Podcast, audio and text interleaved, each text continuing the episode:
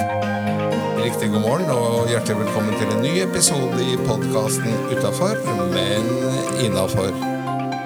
Levert som vanlig av Parkinsonforeningen i Oslo og Akershus og programledere Serlin Erlandsen og Edgar Waldmanis.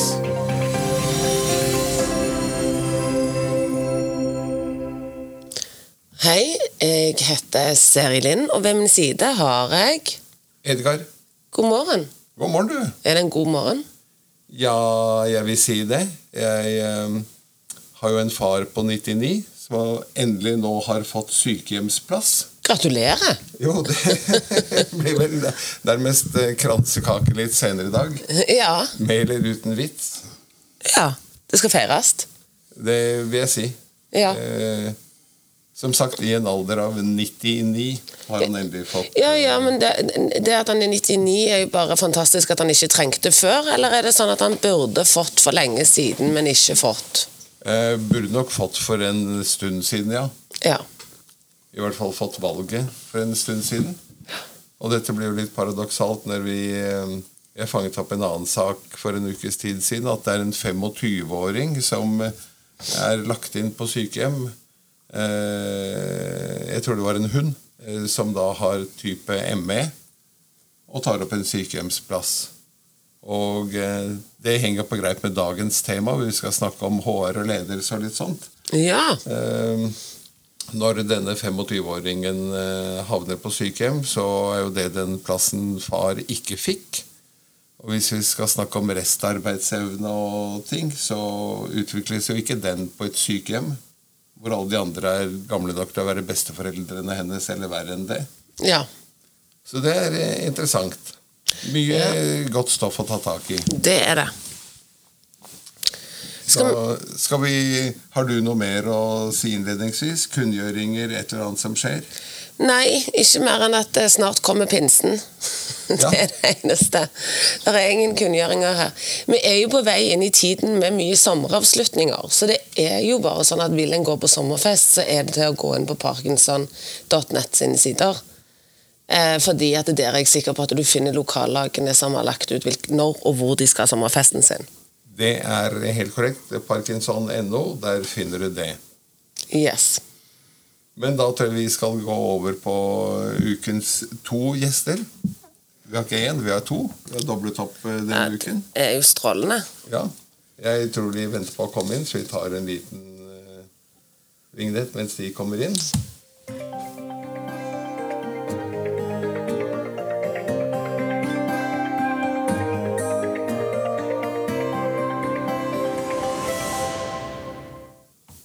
Da har vi fått besøk av eh, to glade herrer fra Tiltwork. Det er eh, generaldirektør Pål Leverås, gründer og generaldirektør. Og det er eh, partner Hans Jakob Christensen. Velkommen inn, gutter. Takk. Velkommen. Tusen takk. tusen takk. Eh, Først, Pål, skal du si litt om hva Tilt Work er? Jeg får si noe om generaldirektør. Jeg er slett ikke noen generaldirektør. Men du er gründer? Jeg er gründer, og jeg kaller meg sjefreflektør da, i TILT-sammenheng. Ja. TILT er et uh, nettverk av uh, frittstående konsulenter som har en felles agenda om å påvirke næringsliv og arbeidsliv i en bærekraftig retning. Kort og godt. Hva vil en bærekraftig retning si? Det er på alle plan. Det er selvfølgelig å, å stimulere og inspirere næringslivet og arbeidslivet generelt til å tenke globalt, tenke på klima, miljø, natur, ESG, som man snakker om i EU-sammenheng. Men bærekraft handler også om eh, det som er temaet her i dag. Eh, restarbeidsevne. Eh, det å bruke kapasiteten og ressursene som finnes der ute i samfunnet, på en god måte. Ja, for jeg har jo invitert dere, for jeg tenker at det er interessant å høre um, litt rundt eh, de problemstillingene som eh, veldig mange av våre medlemmer eh, møter. Eh, spesielt de, de yngre årsklassene. Det er jo noe som heter YOPD. Det uttales på amerikansk. da. Det står for Young Onset of Parkinson's Disease. Altså når du får diagnosen alder 55 eller yngre. Det er jo ganske bra da at eh, 55 år regnes som young. Men eh, når du da kommer til arbeidsgiveren din og sier at nå har jeg fått diagnosen og jeg må dessverre ned i såkalt brøkstilling. Hva skal arbeidsgiveren si da?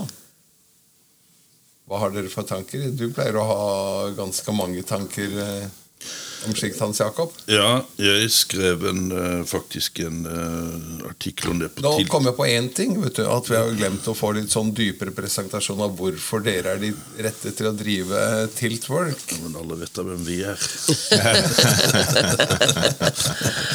Hvis Ja. vi sier litt om bakgrunnen din eh, først, siden du var på vei inn i mikrofonen, eh, holdt jeg på å si, Hans Jakob. Ja, alle så jo på meg, så da var det naturlig å åpne munnen. Ja. Nei, jeg har eh, Hans Jakob Christensen han er jo egentlig økonom av fag, men han sklei sakte, men sikkert over i, i, i organisasjonsfaget ganske tidlig, eh, og har jobbet med eh, rene HR-stillinger, både her i Norge, men også vært leder for et internasjonalt HR-team. Eh, i Herregud, det er over 20 år. Eh, Sånn at en har eller Nå heter det jo People and Organization, for de som er litt finere på det. Men, eh, men jeg har jo hatt en, viss bakgrunn når det gjelder disse temaene. Har jo også opplevd eh, eh, å være i en situasjon hvor du har vært nødt til å tilpasse til en eh, arbeidstaker. Eh, Og jeg, For å gå tilbake til der jeg åpnet munnen Jeg skrev jo også en artikkel på tilt.work. Vi må reklamere så mye vi kan, Pål. Ja. Uh, og den het 'Kast prosedyrene på dør'.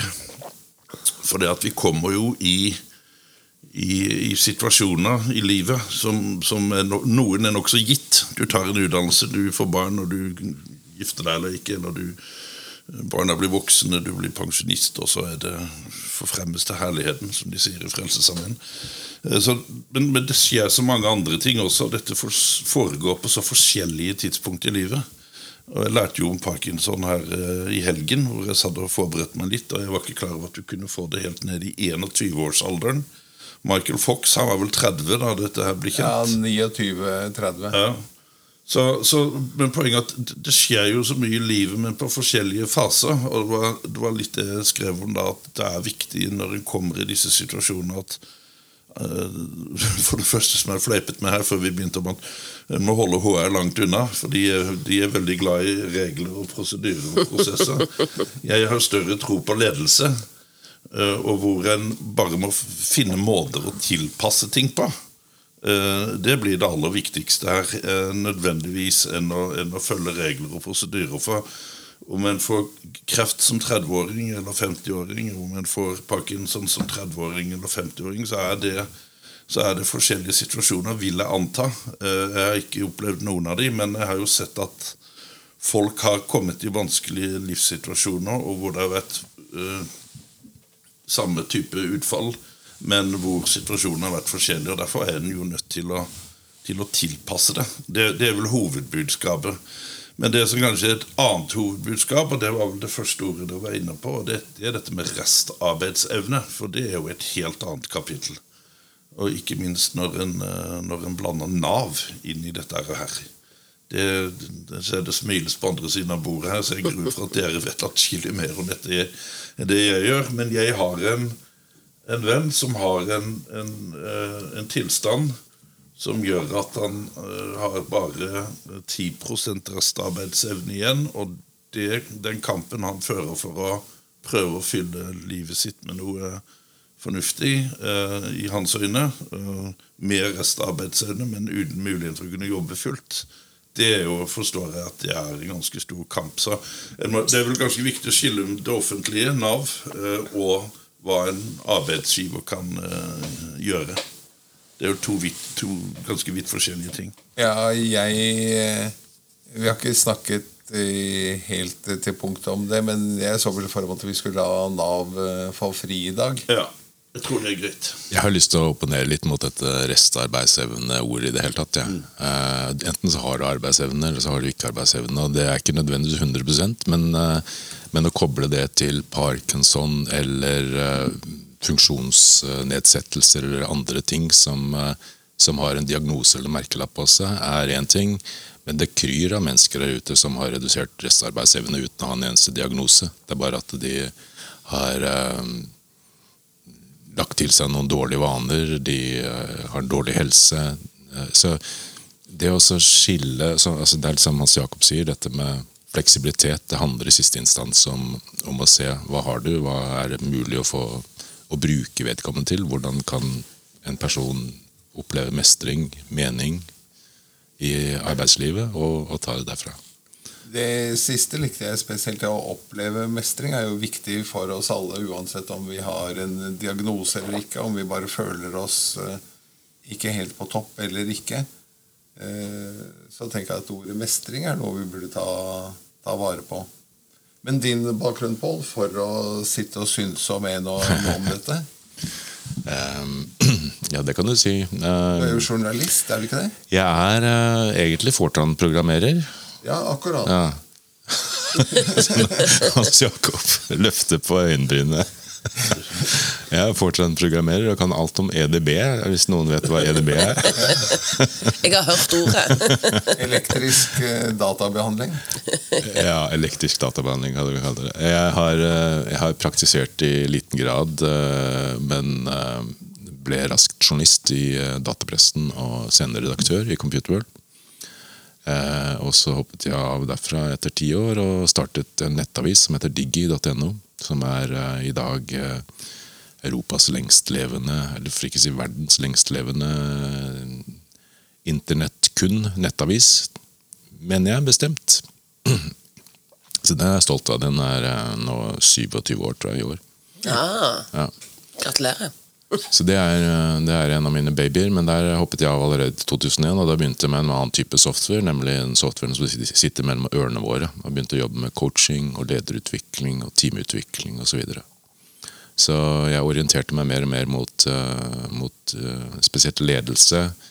Jeg jobbet noen år i HR Norge, kjenner den organisasjonen ganske godt. Og driver nå, startet nå dette Tiltwork, som som eh, jeg har definert som min eh, tiårsplan. Fra da jeg, før jeg fylte 60 år, så tenkte jeg nå skal jeg ha en plan for de neste ti årene. Og selvfølgelig en for de neste ti etter det, og de neste ti etter det, osv.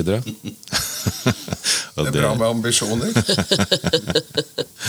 uh, og, og det handler om å bygge noe som, uh, som har en påvirkning, en positiv påvirkning på en verden som er, har tilta litt ut av kurs, for å si sånn. Vi skal prøve å tilte den litt tilbake. Og vår målgruppe er spesielt næringslivet og arbeidslivet. For vi tror at hvis vi tilter hoder i næringslivet, så har det ringvirkninger som er så mye større enn om hver enkelt av oss eh, tiltes. Men du, hva med offentlig sektor? Trenger ikke de å tiltes? Du sa næringslivet Ja.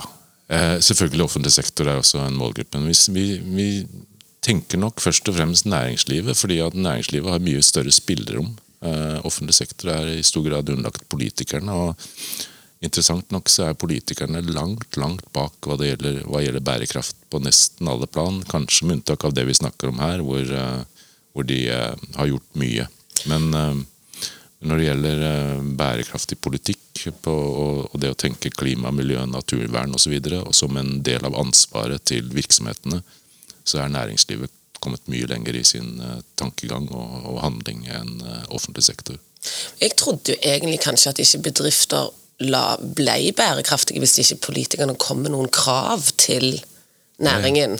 Det er interessant. eh, Hvis du husker at Trump reverserte mange av, mye av klimalovgivningen i USA, så sa de store, veldig mange av de store amerikanske selskapene at nei, vi gjør dette likevel. Hvis, det, hvis dere ser på hva som skjer nå i EU, så kommer det veldig mye krav derfra. Så EU som politisk instans er veldig sterk og, og drar i riktig retning. Men norske politikere de halter etter næringslivet, som går først inn i køen, faktisk. Ja, for Jeg ser jo dette med mine venner i oljebransjen, i olje, som kommer fra oljebyen, at det der er ganske mye større altså at det der er store endringer i forhold til tenkning av bærekraftig. Eh, på alle mulige måter, og at det, de må ha fotavtrykk eh, som da viser til og QR-koder og alt som viser til det. Men da trodde jeg det kom fra et høyere hold, men da kan jo det være EU. På en måte så kommer det fra et høyere hold, men det er ikke noe som det er varierende grad pålagt norsk næringsliv i dag, men det kommer eh, reguleringer som vil gjelde, og de tilpasser seg selvfølgelig. Men, men samtidig er det en egen drivkraft i næringslivet. Altså, næringslivet består også av mennesker som oss fire som sitter her, som ser at dette går skikkelig ad undas. Det, vi må gjøre noe. Vi har også barn og barnebarn og skal tenke på fremtidige generasjoner. Men jeg likte godt at du sa at vi mennesker òg er bærekraftige. Altså at den restevnen som vi ikke liker det ordet, eh, er òg bærekraft. Jeg tenker at eh, vi er veldig dårlige til å utnytte eh, potensialet i den norske arbeidsstokken i veldig stor grad. Det gjelder selvfølgelig folk med eh, funksjonsnedsettelse, men det gjelder eh, også i stor grad folk som skiller seg ut på andre måter. Eh, Det være seg de litt sære og rare, eller, eh, eller de som har en annen etnisitet. Eh, Så vi er et eh, Vi har store utfordringer med å, med å utnytte mangfoldet i det norske samfunnet. Om Det mangfoldet inkluderer eh, parkinson og andre funksjonsnedsettelser. Men, men du Hans Jakob har jobbet en god del utenfor Norge. Er utlendinger bedre til, å, til å utnytte kapasiteten som finnes i folk? Hvis vi eh, godtar Pauls påstand om at vi er dårlige på dette i Norge. Det Er det andre land hvor det man blir er- rent gjettverk. Um, jeg kan ikke så veldig mye om, om, om trygdeordninger og, og sånne ting i, i andre land, så jeg vel Jeg tror vel i mange land så må du kanskje stå noe mer på. At vi i, at i Norge har vi gode ordninger, som, et godt nett eh, under folk, som gjør at en fanger opp kanskje ting i bedre grad enn i mange andre land. Hvert, jeg, kan i hvert fall vise til noen land hvor ting hvor det ikke er noe nettverk i det hele, eller hvor det ikke er noe sikkerhetsnett under folk i det hele tatt. Så det er klart, Da, da har du kanskje ikke de samme valgene som du har i Norge heller. Men jeg er litt enig med hva Pål også sier, for det at alle kan noe. Et eller annet. Litt eller mye. Og der, ligger mye uforløst. eh, den jeg siktet eller den jeg refererte til her i stad, eh, hadde ønske om å bli pasientvenn eh, og bruke dagen sin til noe fornuftig, og så får ikke lov. Og, og dette med å bare å slippe litt opp Vi, skulle, vi ble enige om ikke å henge ut, eh, henge Nav her, men det er jo ikke Nav som er problemet, det er, det er jo de som vedtar eh, reglene. Og dette har jeg faktisk tatt opp med med en representant i helse- og sosialkomiteen på Stortinget og gjort de oppmerksom på eh, hva jeg mener er litt vanvidd. Eh, hvor det er mennesker som må gå hjemme og ikke få lov til å gjøre noe, men har lyst til å gjøre noe og kan være med og bidra. Og det å være pasientvenn må vel være definitivt gå inn i, inn i sekkeposten bærekraftig aktivitet, vil jeg tro. Det betyr veldig mye for de som får besøk, i hvert fall. Så, så det, er jo, det er jo synd at en at vi som samfunn låser oss litt fast i, i noen regler som, eh, som begrenser folk. Vi, vi er veldig flinke til å begrense. eh, I redsel for at noen skal utnytte systemet. Det er, vel, det er vel frykt som ofte styrer dette, og det er veldig trist. Jeg har lyst til å fortelle en historie om en eh, venn, venninne, som jeg hadde som jeg ble kjent med for mange år siden. Får jeg lov til det? Ja, gjerne. Det var Kirsti som, eh, som hadde mult, eh, spinalatrofi eh, fra fødselen av. Og satt i rullestol fra ganske tidlig i år. Som aldri på en måte aksepterte å bli definert som, som funksjonshemmet. Hun kunne bare litt mindre. Hun trengte, verktøy for å, hun trengte flere verktøy for å gjøre ting, men hun gjorde alt som andre gjorde. Hun hadde alltid en jobb. Var aldri, eh, var aldri ufør eller eh, fikk uførepensjon eller noen ting som helst. Ikke noe trygd. Annet enn sykepenger, som eh, alle får. Hun, hun nektet å kjøre det meste fremdeles var sånn manuell bomring i Oslo, så nektet hun å kjøre på gratis gjennom. Hun insisterte på å betale. For hvorfor skal, hvorfor skal ikke jeg betale? Jeg jobber, jeg er eh, fullt uh, i gang. Og, eh, og før hun døde for åtte år siden, hun på 20 år på overtid eller sånn med sin sykdom, så hadde hun da gründet et selskap som på det tidspunktet hadde 120 ansatte. Hun kunne ikke drikke kaffe uten at hun hadde en assistent som løftet koppen til munnen hennes. Hun kunne ikke ta en røyk uten at en assistent løfta en røyk opp til munnen hennes. Men dette, dette gjorde hun. Og det er liksom dette med automatisk å legge begrensninger på oss fordi vi har noen eh, begrensninger. Eh, det handler i så stor grad om, eh, om, om, vilje og evne og holdninger. Ikke nødvendigvis fra den som er rammet, men fra samfunnet rundt deg. Absolutt, for de møter på mye motgang, og det kan jo drepe lysten til å gå ut. For det handler jo om selvbilde og selvfølelse som på en måte knuses. Og det er jo grenser for hvor mye en orker å stå i de møtene. Hvor lenge en orker det. Og holdninger er vel kanskje den største bøygen, vil jeg tro. Mm. Og Da er vi litt tilbake til spørsmålet du opprinnelig hadde, Edgar. med Hva, en, hva gjør en når Edgar kommer på jobb og forteller at han har uh, fått parkinson, og hvordan Eller en annen diagnose som Hvilken som helst annen diagnose. Og det er jo det jeg mener at, uh, som jeg sa her innledningsvis, at en må, må bare slenge på alt av prosedyrer på dør og sørge for å at lederne må jo utstyres med den muligheten til å kunne tilrettelegge i praksis. Uh, og det betyr at en, Det er jo mye en må gjøre, dette er jo et kjempetema. Uh, men, men, det viktigste er jo å, å, å, legge forholdene til rette. Det kan være at vedkommende kan jobbe hjemmefra fire dager i uken. Det kan være at vedkommende bare jobber tre dager i uken. Det kan være redusert arbeidstid. Men, men det som er det, noe av det viktigste her, er jo å få en åpenhet og aksept blant de andre i eventuelt et team eller en gruppe over at nå står vedkommende i en veldig vanskelig situasjon og trenger avlastning. Det kan jo være at noen må ta på seg 20% ekstra jobb og da gir en jo kanskje vedkommende det som på nynorsk heter en uplift. Altså du, du, du, betaler folk mer for å gjøre en jobb i en, i en periode, for å kunne til du kanskje finner andre løsninger. Men altså, jeg tror hovedpoenget her er at en har ledere som er sterke nok og trygge nok. Men også har eh, amen i kirka eh, helt på toppen til å kunne da legge forholdene til rette for at folk skal kunne fungere og utnytte den hele den arbeidsevnen de har. Om det er restarbeidsevne, eller om det er 10% eller 70 men, det, men lederne må være tøffe nok til også å stå i det og gjøre det. For det blir mye sikkert grums og prat. Og de gangene jeg har sett det på nært hold, så har det jo vært litt sånn i krogene, eh, hvor kaffemaskinen blir en sånn ja. Stasjon for utveksling av ja, grums. Og der må, der må, ledere på banen. Så for meg dreier alt dette her seg om ledelse, for å snakke i litt store bokstaver. Ja, for det viktigste, tenker jo jeg, for det, den gruppen vi glemmer, er jo de som er arbeidssøkende med, altså med nedsatt arbeidsevne fra før. Ja. Som er unge, kanskje, og skal nyutdanne og skal møte med f.eks. nedsatt hørsel osv. Altså, da må jo bedriften fra før ha en kultur for åpenhet mot å ta imot at det ikke er noe som skjer. Én ting er det vi snakker om, at den blir nedsatt. Men det å gå inn, og at hvis bedriften fra før har den kulturen, så hva tror jeg det blir mye, mye enklere å jobbe med ledere og nedover. Ja, det blir jo spennende å se den dagen en får en uh, flerkulturell kvinne i rullestol i en konsernsjefsrolle. Ja, det blir spennende. Det, jeg tror vi har et stykke igjen å gå der. Det er, det mye, det er mye, pulsklokker og slimfit-skjorter, er det ikke det?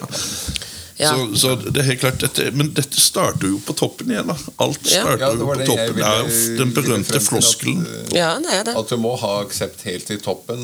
Du ser, Kast alle prosedyrer på dør når, når Eh, arbeidsgiverne heter DNB eller Equinor eller noe annet med mange tusen ansatte. Men det var og den ene lederen har lyst til å være fleksibel, også, mens den andre er ikke så fleksibel. og Er det ikke da bra å ha et sett med prosedyrer som man kan støtte seg på og si at jo, vi gjør det sånn, vi legger til rette slik, vi snakker med, vi involverer fagforeninger eksempel, altså, er det ikke bra å ha et sett med prosedyrer, så at man blir behandlet noenlunde likt? Jo da, det, selvfølgelig er det det. Men det, mitt utgangspunkt er vel eh, også det at det, det, er viktigere å sørge for å endre holdningene til folk eh, som ledere. Eh, og så kan Det selvfølgelig være, det skal jo være riktig, men en har vel også et lovverk som, som styrer mye av dette, om hva en både har krav på.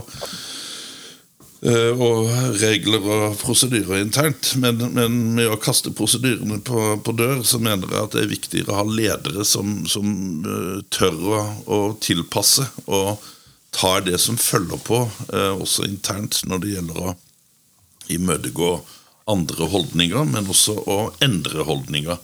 Det var vel en konsernsjef her nå nylig som sto frem med psykiske problemer, hvis jeg ikke husker feil. Ja, det var en konserndirektør i Veidekke. Ja, det var det. Det var vel og det er klart, det er jo med på helt klart å endre holdninger eh, når folk står frem.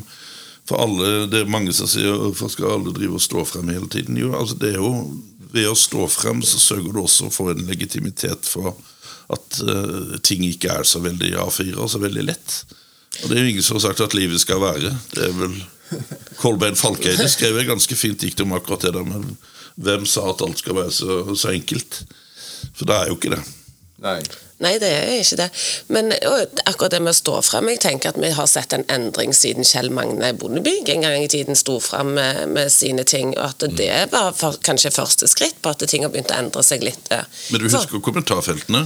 Ja, de husker jeg. Men jeg husker også kommentarfeltene i Folket og røykeloven. sånn at det, alle som på en måte stikker hodet fram, eh, gjør, gjør deg liksom klar for hogg. Så du skal, stå, du skal være sterk for å være psykisk syk. Og det er det jeg mener at Ja, og det er det for helse. lederne at de er tøffe nok til også å ta det ansvaret for å tilpasse arbeidsdagen, arbeidsdagen til de som, som eh, har utfordringer, uansett hva det måtte være. ja. Da Men, det ikke bare, men ikke bare arbeidstagerne. En gruppe vi ikke Dere er vel veldig klar over det, men jeg tror folk flest tenker jo ikke alltid heller over at det er noen som står bak disse menneskene, altså de pårørende.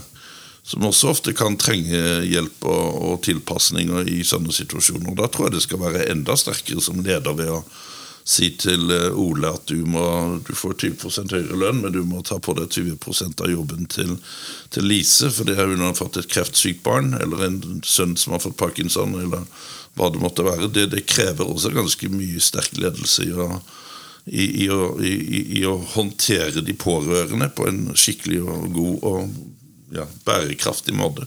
Nå tror jeg våre venner i Pårørendealliansen ble skikkelig glad her, for dette er jo noe de har eh, tatt opp også. Jo, men jeg har hatt uh, har noen venner som hadde et kreftsykt barn, og bare så hva det medførte av, av uh, påkjenninger. Uh, og det at de da har arbeidsgivere som har forståelse for dette.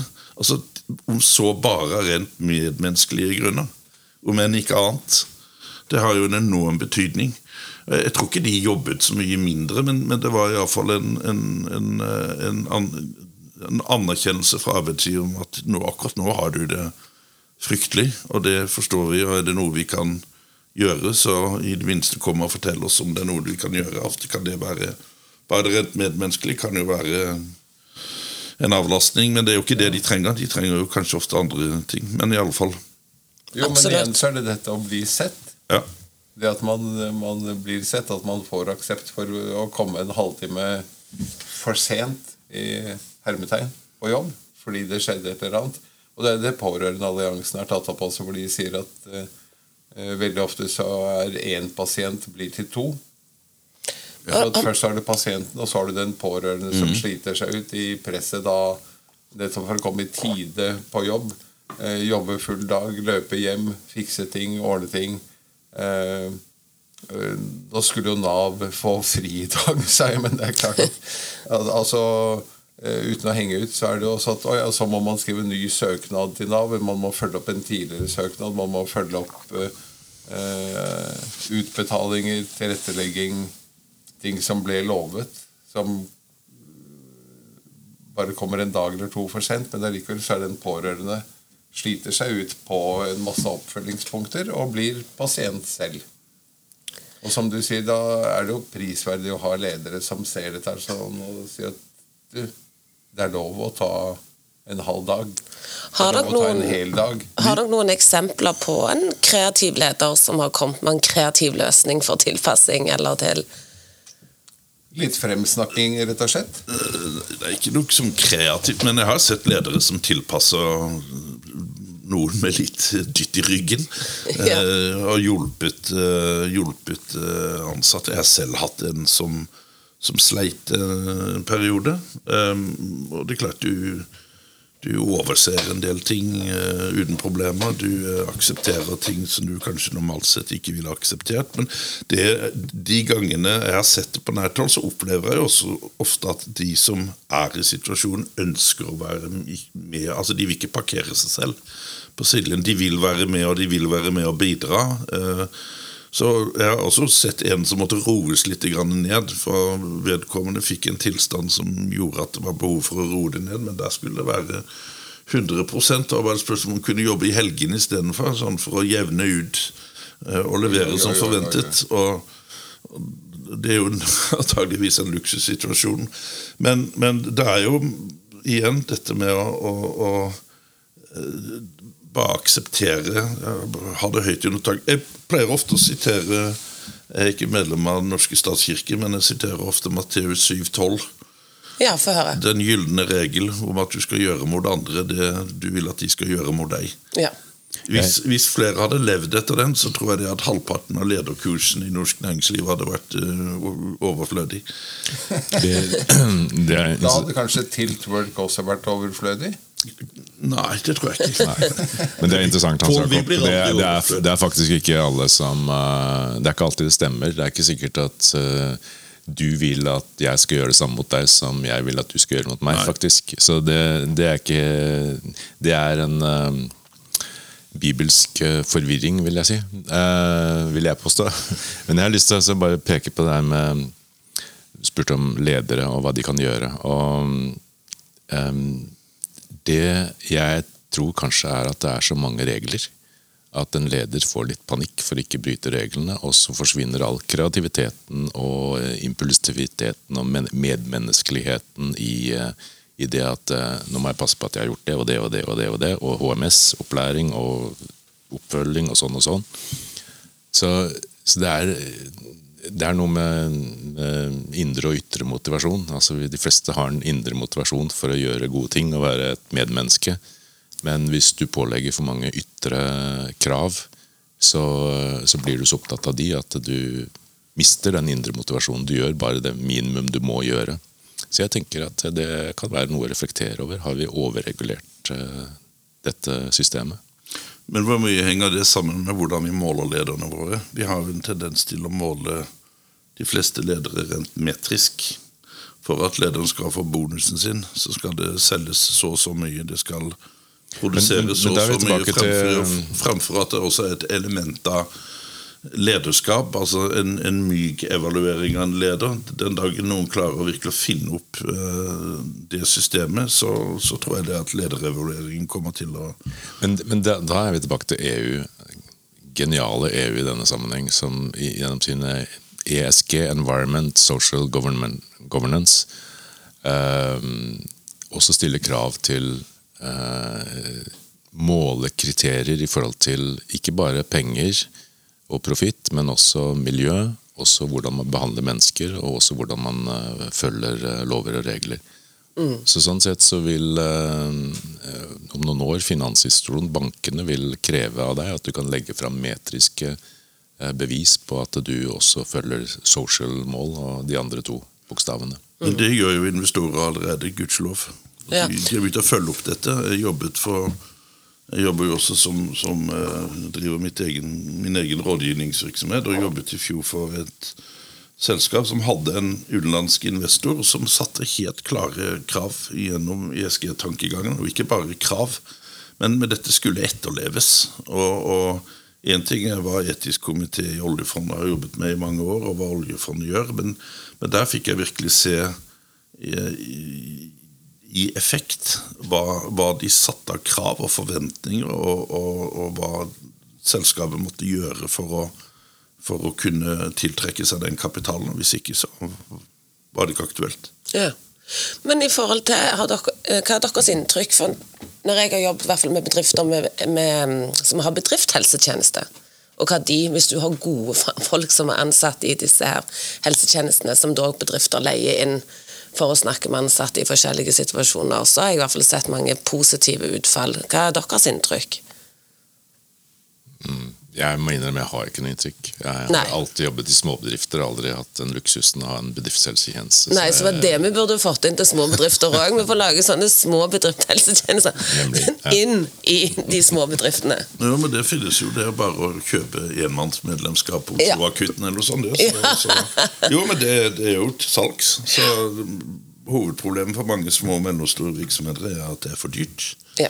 Det er ganske friskt. Men jeg har vært, eh, jeg har vært eh, innunder en bedriftshelsetjeneste i eh, to ganger, og jeg må bare si at det har vært udelt positivt. Én fikk til og med altså, En har ofte fleipet med at du kan Du kan slepe deg inn eh, uten armer og ben til bedriftslegen og si at alt er fint, og så får du stempel i boka. Det, det har vært mye sånn stygge vitser om bedriftshelsetjenester, men, men jeg har opplevd at folk har fått oppdaget sykdommer som uh, har vært uh, kritiske gjennom bedriftshelsetjenesten. Så jeg har ikke noe galt å, å si om det, i hvert fall. Ja, for Der ser jo jeg i hvert fall disse her sykepleierne og sosionomene som jobber inn i bedriftshelsetjeneste, og får ut de som ligger hjemme og ikke kommer seg på jobb, men egentlig hadde klart det med et lite push.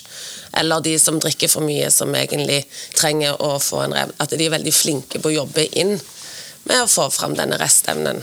Mm. Ja. Jeg tror vi eh, må gå videre Eller jeg tror ikke. Jeg ser at vi må gå videre i dagens eh, program. Det som er interessant, er at det ligger veldig mye godt stoff å jobbe med her. Og som du har påpekt gjentatte ganger nå, Hans Jakob, at eh, det begynner med ledelse helt i toppen.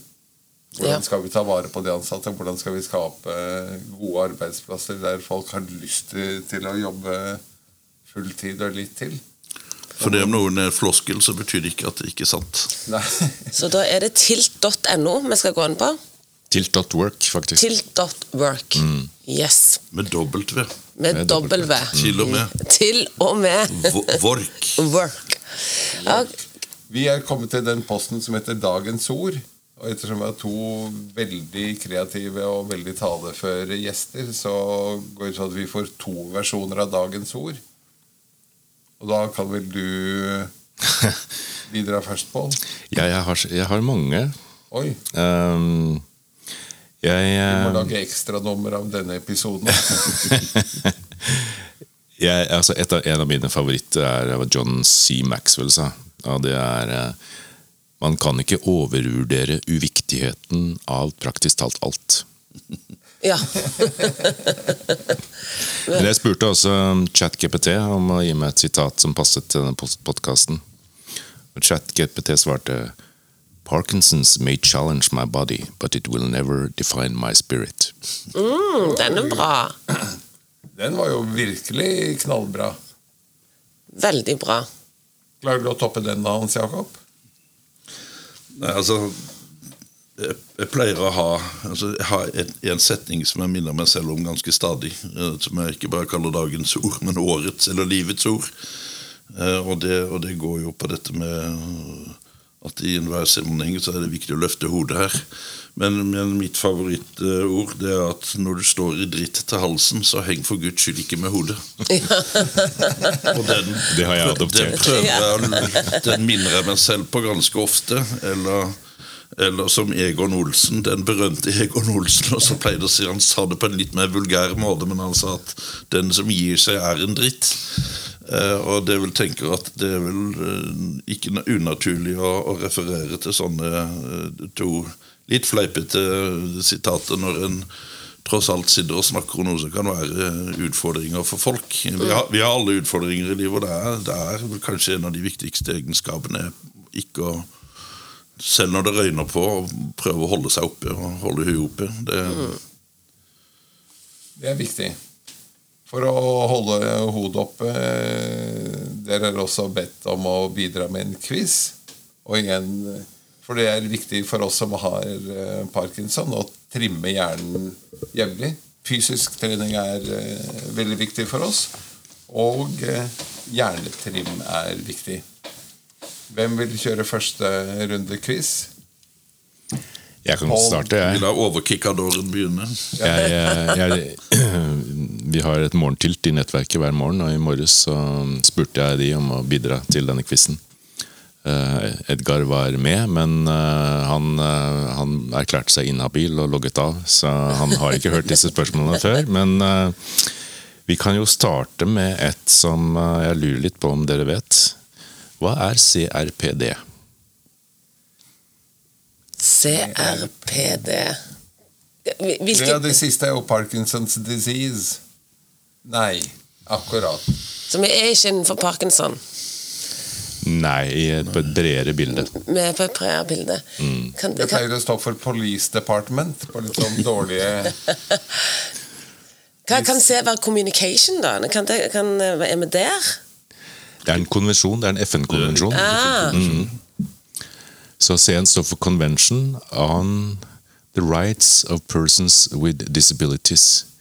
Som handler egentlig om å definere menneskerettigheter eh, på en måte som gjør at alle dis disabled people også kan eh, ha de samme menneskerettigheter som andre.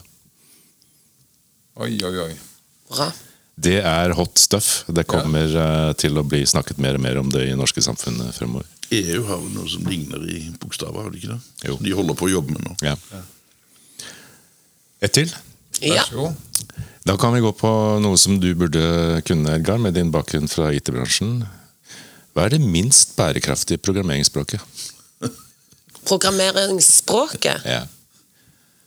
Det minst bærekraftige. Det er sikkert de derne emojisene.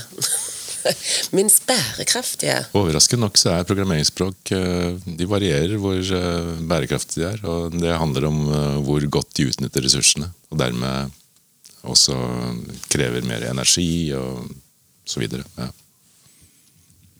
Eh, Da er det sikkert Kobol eller noe sånt. da, Et av disse gode gamle. Du sa jo det at du selv nok- foran programmerer Det er visstnok Python, eller Python. Akkurat. Ja. Et til. Ja. Tilt ble jo startet på fundamentet av ukebrevet mitt tirsdag morgen, som eh, utgis fremdeles en dag i dag.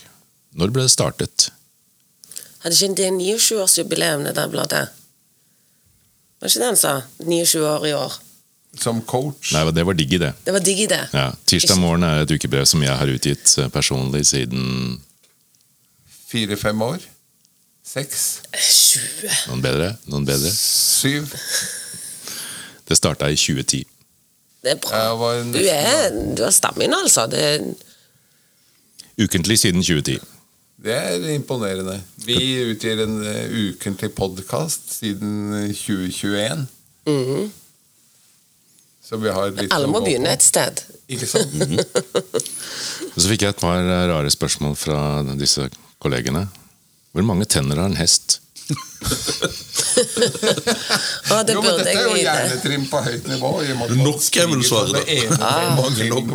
helt Ja, men jeg lurer meg på om vi er oppe i en 16 det, Altså, gud, jeg har hatt hest i tolv år. Det burde jeg jo vite. Det må jo ha minst tolv nede og tolv oppe, tenker jeg. Ja, vi gå på 24? 40, faktisk. Ja. Og Det inkluderer tolv premolarer og tolv molærer som brukes til å male maten, samt tolv insisiver og fire hjørnetenner. ja, helt nydelig. 40 tenner. Jeg har to til, Ja. og de er også fra nettverket. Og det er litt sånn malapropos. Hvor ligger Norsk Bremuseum? Eh, det ligger jo på Vestlandet et sted. Det er riktig. Sogndal. Ja, det er riktig. Litt mer presis. Ja, hva jeg har vært der. Fjærland eller noe? Ja, Fjærland, det det er helt riktig. Yay! Endelig ett poeng. Yes! Og så det siste, da, som kom fra Katrin, som er eh, Nei, nå sa jeg for mye, sånn at nå vet du det. Men uh, i hvilken sport brukes fuglearter i poengangivelsen? Brukes hva for noe i Fuglearter i poengangivelsen. Ja, det er jo birdie, det er golf. Birdie, eagle, albatross. Ja. I Ja. golf, ja. Det er helt riktig. To poeng. Så skal vi høre om Hans Jakob har en uh, litt enklere quiz.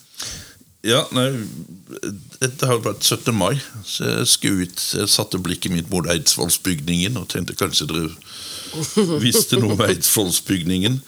Eh, Men, Han er hvit. men altså, de, det var 112 menn som satt der i seks uker, eh, og de fikk stort sett brødpudding og, og eh, kjøttsuppe og kalvekjøtt. Men Hvor mye ren alkohol drakk de i løpet av den perioden? er spørsmålet. Det er et rent Og det er innmari gjettverksspørsmål. mye, nemlig.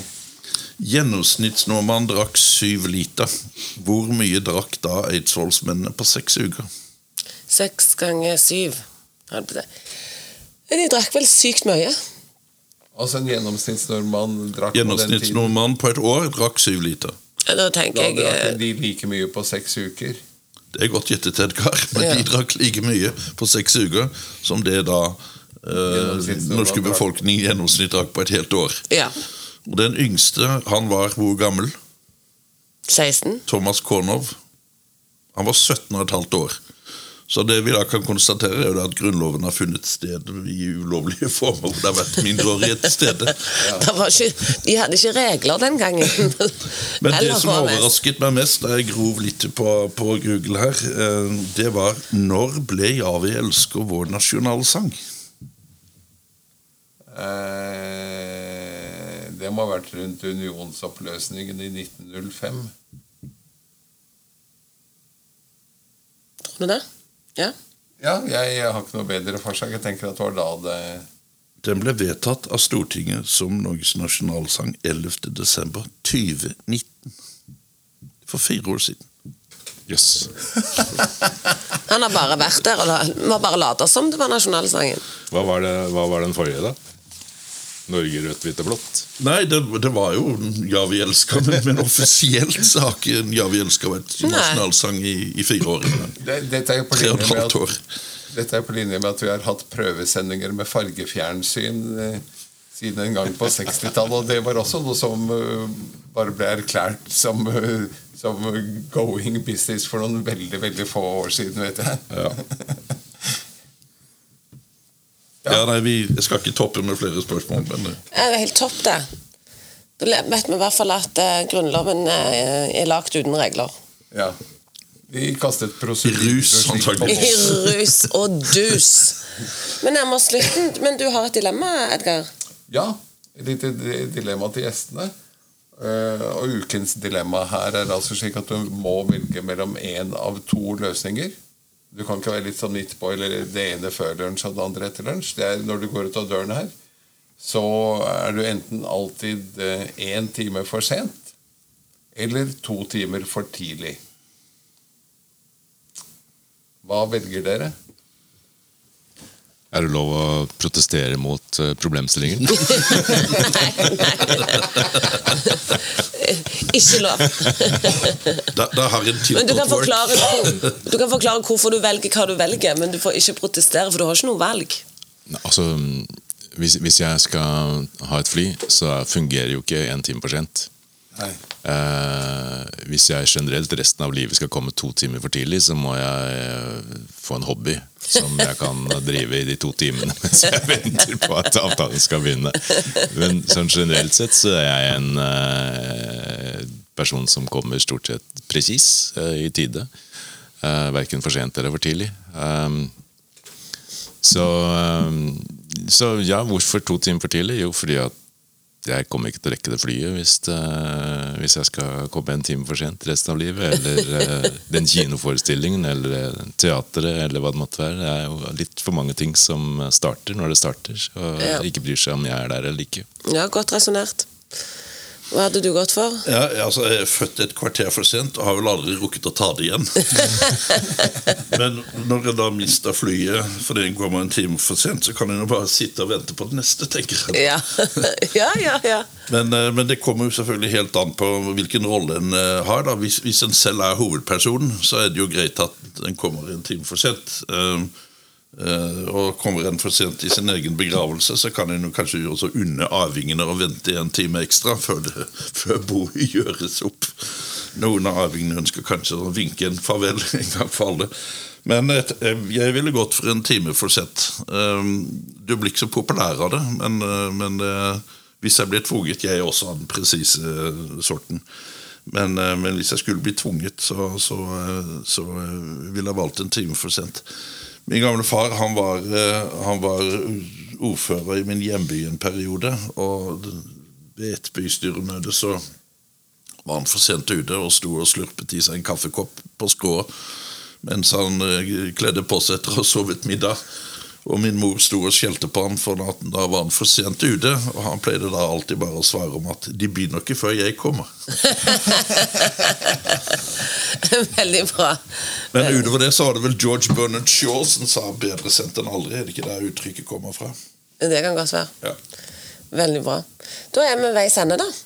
Eh, Vi har et eh, kort utgangsspørsmål til eh, ukens gjester. Og med utrolig kreativitet Jeg har sitert en hel masse, så tenker jeg vi tar den med 'Hvem ville du invitert til middag, og hvor?' Helt fritt i tid og rom. Nå ble det veldig stille. Jeg tror jeg hadde tatt med meg samboeren min. Hun fortjener det. Vi ser så lite til hverandre at hun kunne fortjene noen ekstra minutter. Det var en safe Ja, Den eh, er veldig safe. Og hvor? Ja, altså Vi snakker Ja, om, er snakker om én person. Eller flere. Nei, du får ikke ha med et fotballag. Nei, Altså, som som, uh, eh, som uh, relasjonscoach så hadde den ultimate utfordringen vært å ha Putin, Zelenskyj og Trump til middag. Ja. Det skal du få, Didrik. Lykke, lykke til, sier jeg. Den skal du få. Da er det en kransekakevits som skal runde av eh, Det er det det skal, så da er, vi- må vi bare takke for uh, følget. Takk for at dere kom. Selv takk for at du fikk komme. Veldig hyggelig. Hyggelig. Og hvorfor kan ikke jeg ringe når kransekake ringer? Da tenker jeg vi, vi Er du fra Ringerike? Det var alt for denne gang fra podkasten Utafor, men innafor, levert av Parkinsonforeningen i Oslo og Akershus. Programledere som vanlig Serlin Erlandsen og Edgar Waldmanis.